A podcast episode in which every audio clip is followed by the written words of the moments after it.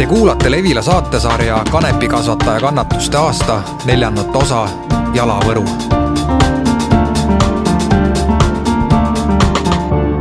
vahepeal on mööda läinud ligi poolteist kuud, käes on augusti lõpp. Age ja Raigo kriminaalasjas on toimunud esimene kohtuistung. kuid kui Raigo istub endiselt trellide taga, siis Age on vanglast väljas. küll tinglikult. ta on elektroonilise valve all ehk kannab jalavõru. Kohtun temaga tema ema korteris Tallinna külje all aga ma ei tea, kas sa saad natukene kirjeldada, rääkida, mis tunne see oli ja pärast siis peaaegu üheksat kuud äh, vanglas olemist äh, küll jalavõru vastu, kui ikkagi. mul tegelikult, mul tegelikult on see tunne, tundekirjeldus täitsa olemas, et äh, ma kardan õudselt kõrgust mm. ja noh, tunne oli umbes selline, nagu oleks tulnud üheksa kuuselt mägimatkalt ja kaks korda poolsurnuks kukkunud vahepeal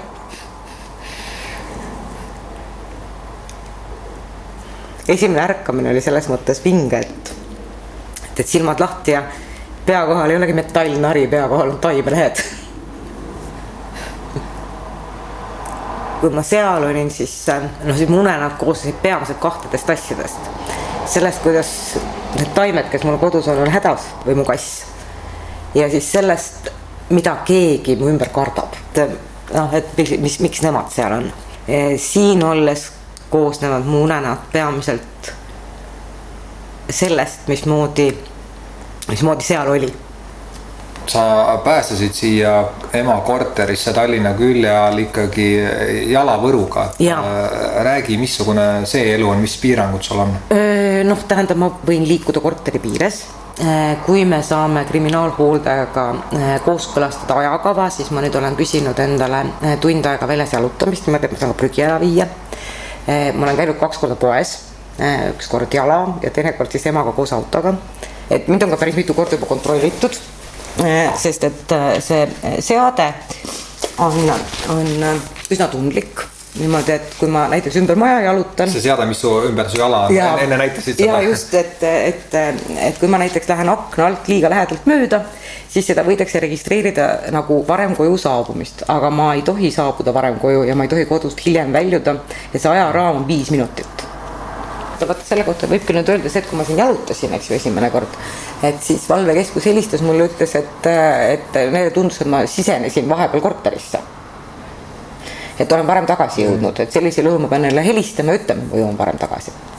aga praegusel juhul eh, noh, ma ei olnud veel korterisse jõudnud, nii et arvatavasti ma jalutasin ikkagi rõdu alt nii lähedalt mööda, et see aparaat atesteeris mu ära, nii et ma ei tea, kuidas see, need piirid on et, et selle me saime nagu suhteliselt kiiresti korda. ja teinekord oli see, kus arvatavasti siis lõppes mingisugusel põhjusel mingisugune signaali edastus, kuna mulle hommikul vara helistasid ja ütlesid, et nende arvates ma olen välja läinud, minu arvates ma magasin aga, aga me saime ka selle noh, umbes minuti jooksul selgeks, et ma tõepoolest magan kõrvaltoas aga jalavõru on sul peal siis, kui sa magad, kui sa, ma ei tea, duši all oled. selle lõikab keegi kunagi kääridega ära siis, kui on õige aeg.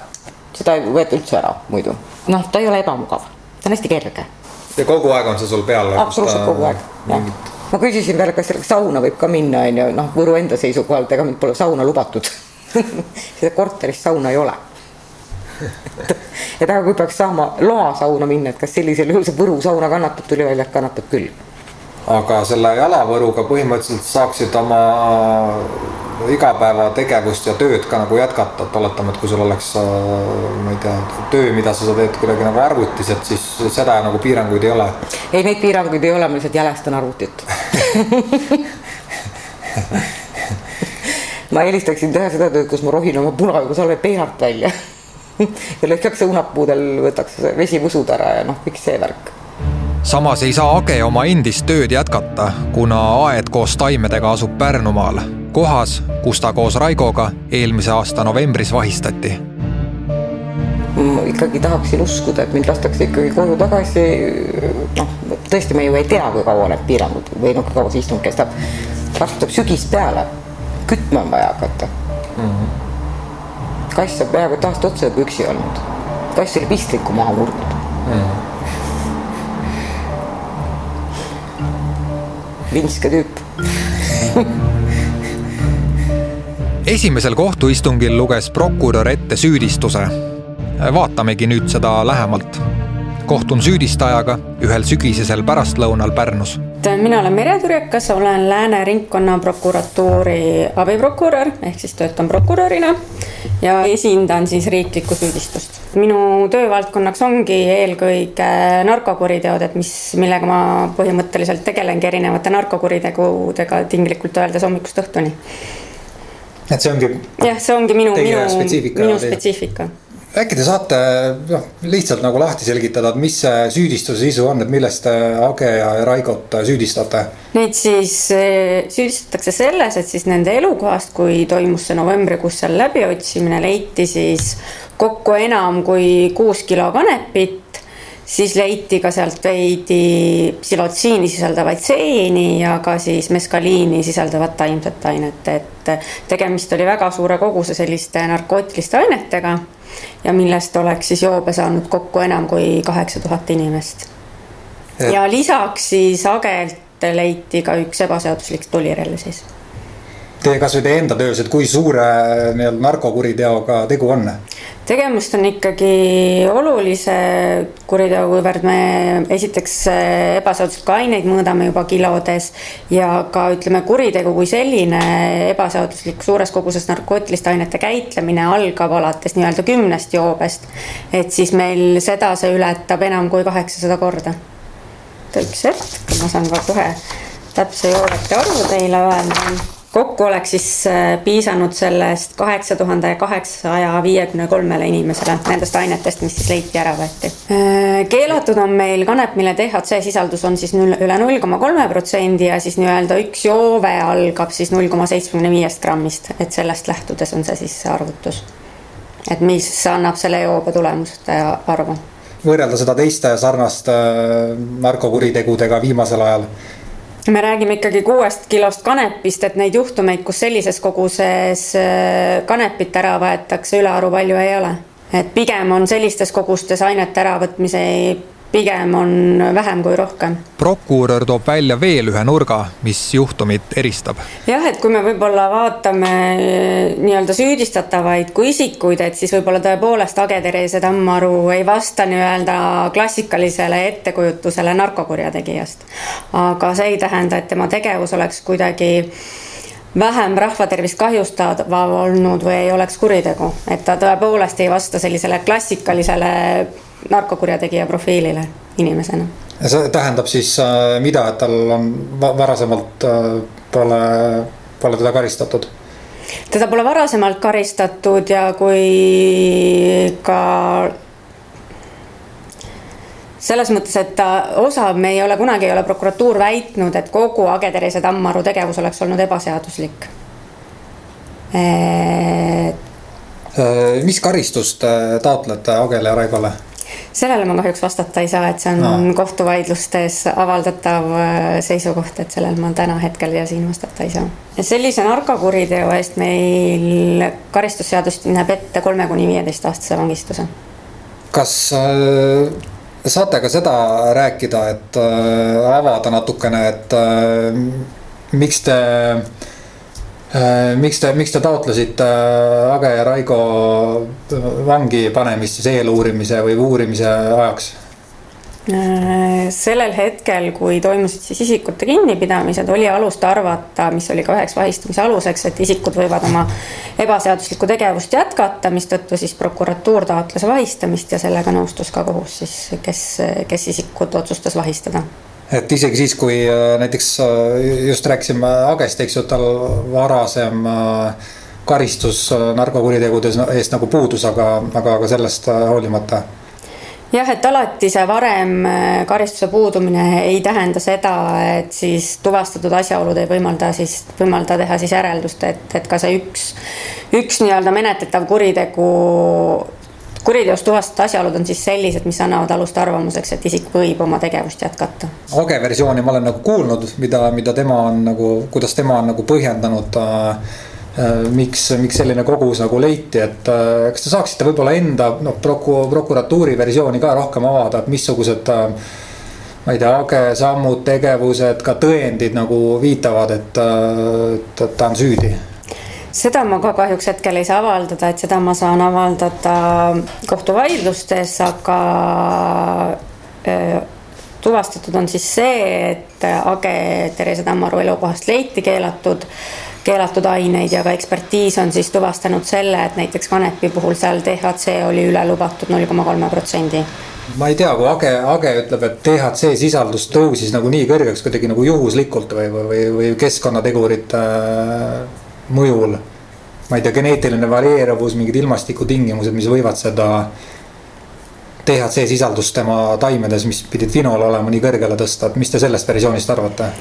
et sellele ma ka kahjuks ei saa vastata, et sellele ma saan ka kohtuvaidlustes oma seisukoha avaldada, aga see on jah, ka üleüldiselt on kohtumenetluses see tavapärane, et nii-öelda süüdistataja kaitsja versioon on üks ja siis prokuratuuri versioon on, on vastupidine sellele, et et äh, prokuratuur leiab, et siin on kogutud tõendeid, mis võimaldavad äh, jaotada kuriteo toimepanemist, aga eks selle lõpliku otsuse asjast teeb siis kohus äh, aga kas te olete seda ka tuvastanud, et see, et, et Agel ja Raigol oligi tahtlus just narko nagu kanepit kasvatada? Siin ma kahjuks pean ka järjekordselt ütlema, et see ka see tahtluse küsimus, mis ongi üheks põhivaidluseks tegelikult kujunenud, et, et kas seal oli tahtlus ja mis oli nii-öelda nende eesmärk sellel kasvatamisel.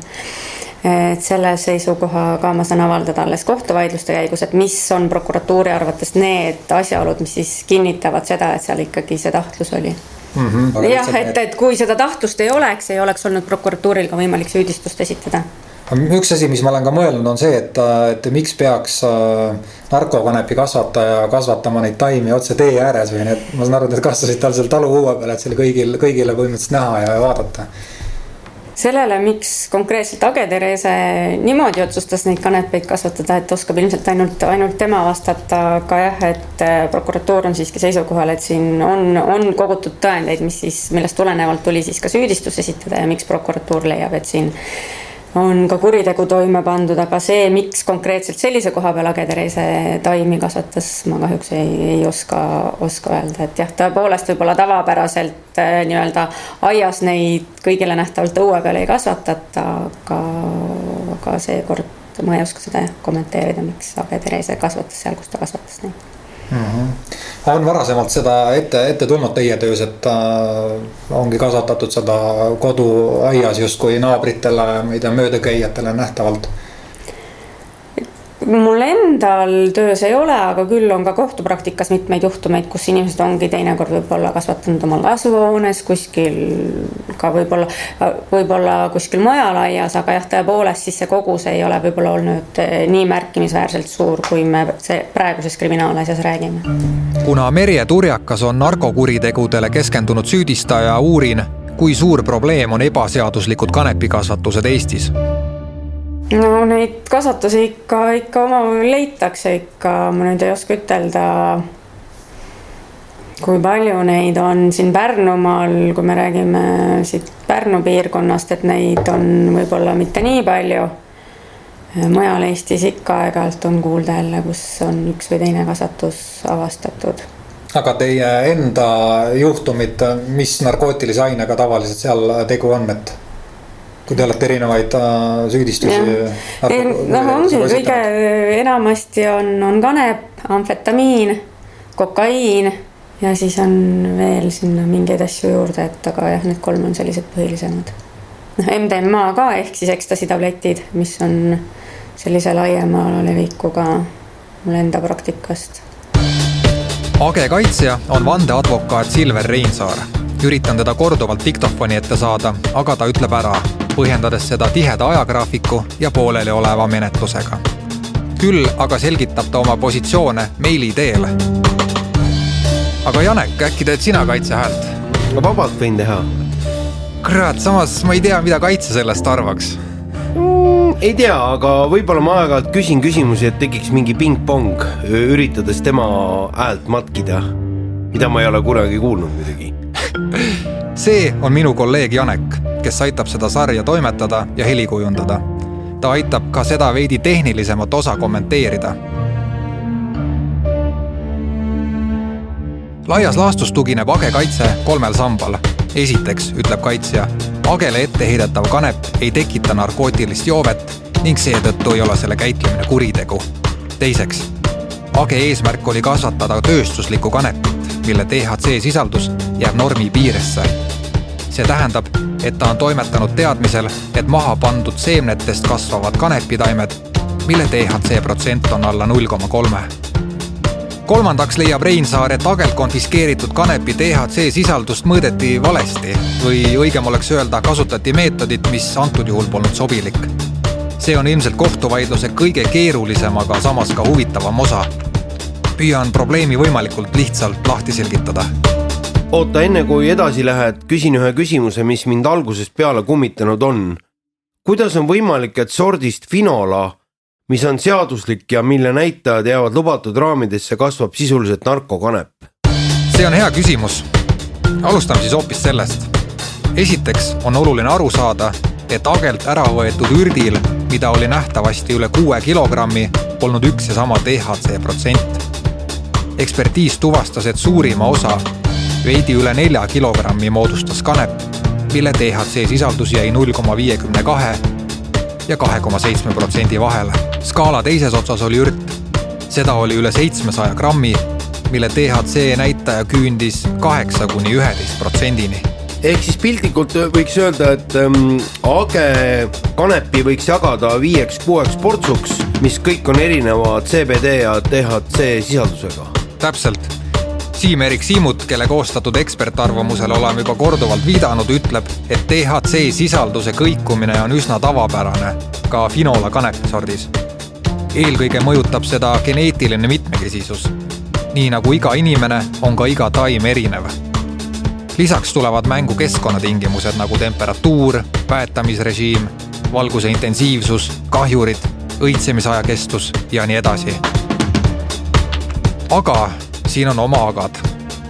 Siimut peab silmas kõikumist, mis jääb protsendi või paari piiresse.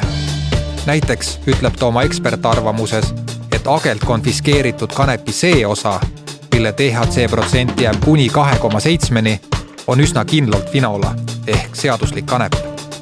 seal on ka arvestatav CBD sisaldus. kuid sealt edasi kasutab ta väljendeid nagu pigem ebatõenäoline ja üsna ebatõenäoline päris karm või mis? aga kuula edasi.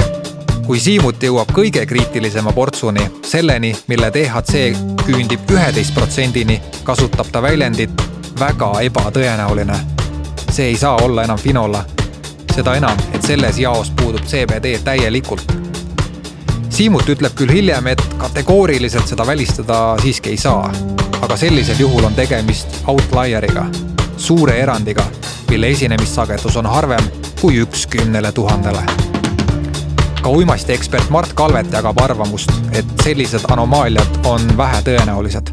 palju tõenäolisem on stsenaarium, kus noh, kasvatatakse kanepit osa seemet koristuse käigus, pudeneb maha ja see ei ole enam sertifitseeritud seeme, sellel on juba noh, selle, selle äh, nii-öelda need äh, sellest kasvavate taimede omadused ei ole enam sugugi garanteeritud, eks ole, et seal võib äh, igasuguseid põnevaid geneetilisi muutuseid ja anomaaliaid esineda, mille tõttu võib äh, mit-, mitu korda suurem olla juba selle teise põlvkonna äh, sisaldus.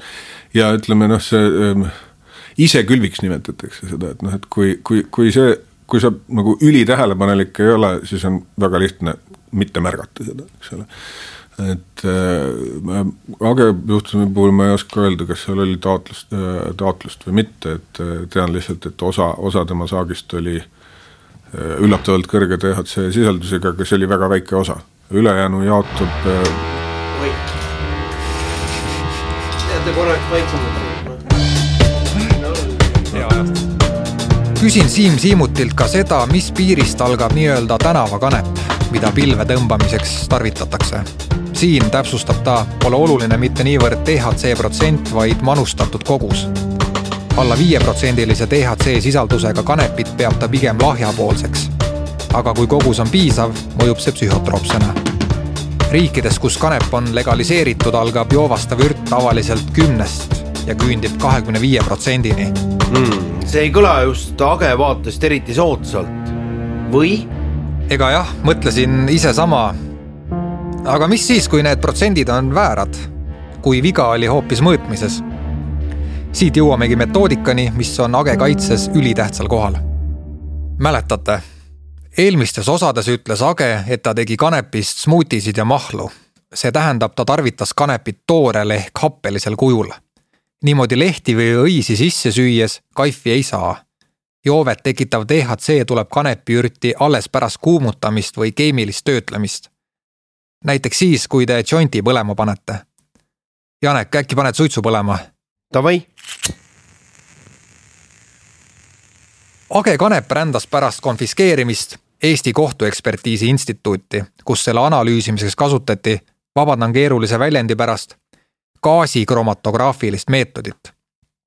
ma ei hakka selle iseärasustel pikemalt peatuma, aga oluline on see, et kuna selle käigus toimub kanepi kuumutamine, ei suuda meetod eristada taime tooreid ja töödeldud vorme.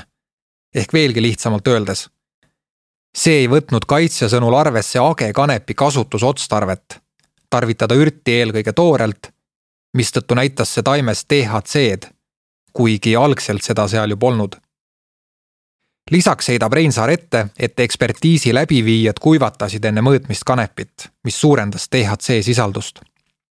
küsin selle kohta kommentaari ka Merje Turjakaselt jah, et ma võib-olla saan öelda nii palju, et EKEI puhul on meil tegemist äh, kohtuekspertiisi instituudiga, kes oma Mis töös, Eesti Kohtuekspertiisi Instituut mm, -hmm. kes siis oma töös siis kasutab akrediteeritud metoodikaid ja siis konkreetne ekspert on siis see, kes siis valib sobiva meetodi, et kuidas ta seda ekspertiisi ülesannet lahendab ja sealhulgas ka siis konkreetse ekspertiisi metoodika. Teie hinnangul see oli igati adekvaatne ja nagu õige meetod? mina seda hinnangut anda ei saa, sellepärast et ekspert on see, kes, mina ei ole ekspert. ekspert lähtuvalt ekspertiisi ülesandest siis äh, valib need äh, metoodikad, kuidas ta seda ekspertiisi ülesannet lahendab.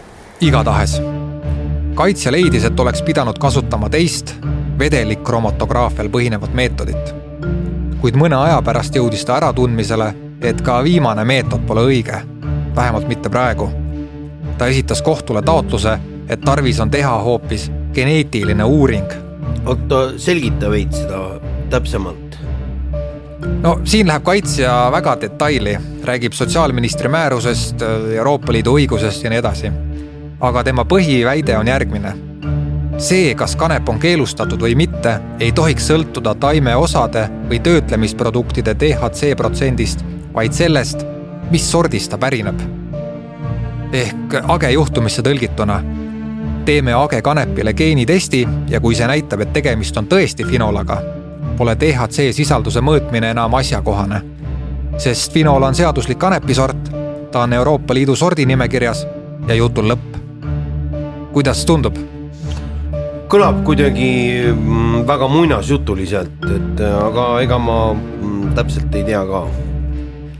prokurör jääb samuti reserveerituks kuna vastav taotlus on kohtul lahendamisel hetkel, et siis ma täpsemalt ei, ei saa seda hetkel kommenteerida. kas kohus geenitesti taotluse rahuldab, veelgi enam, kas seda on võimalik üldse läbi viia ning mil määral seda arvestatakse, selgub ilmselt lähiajal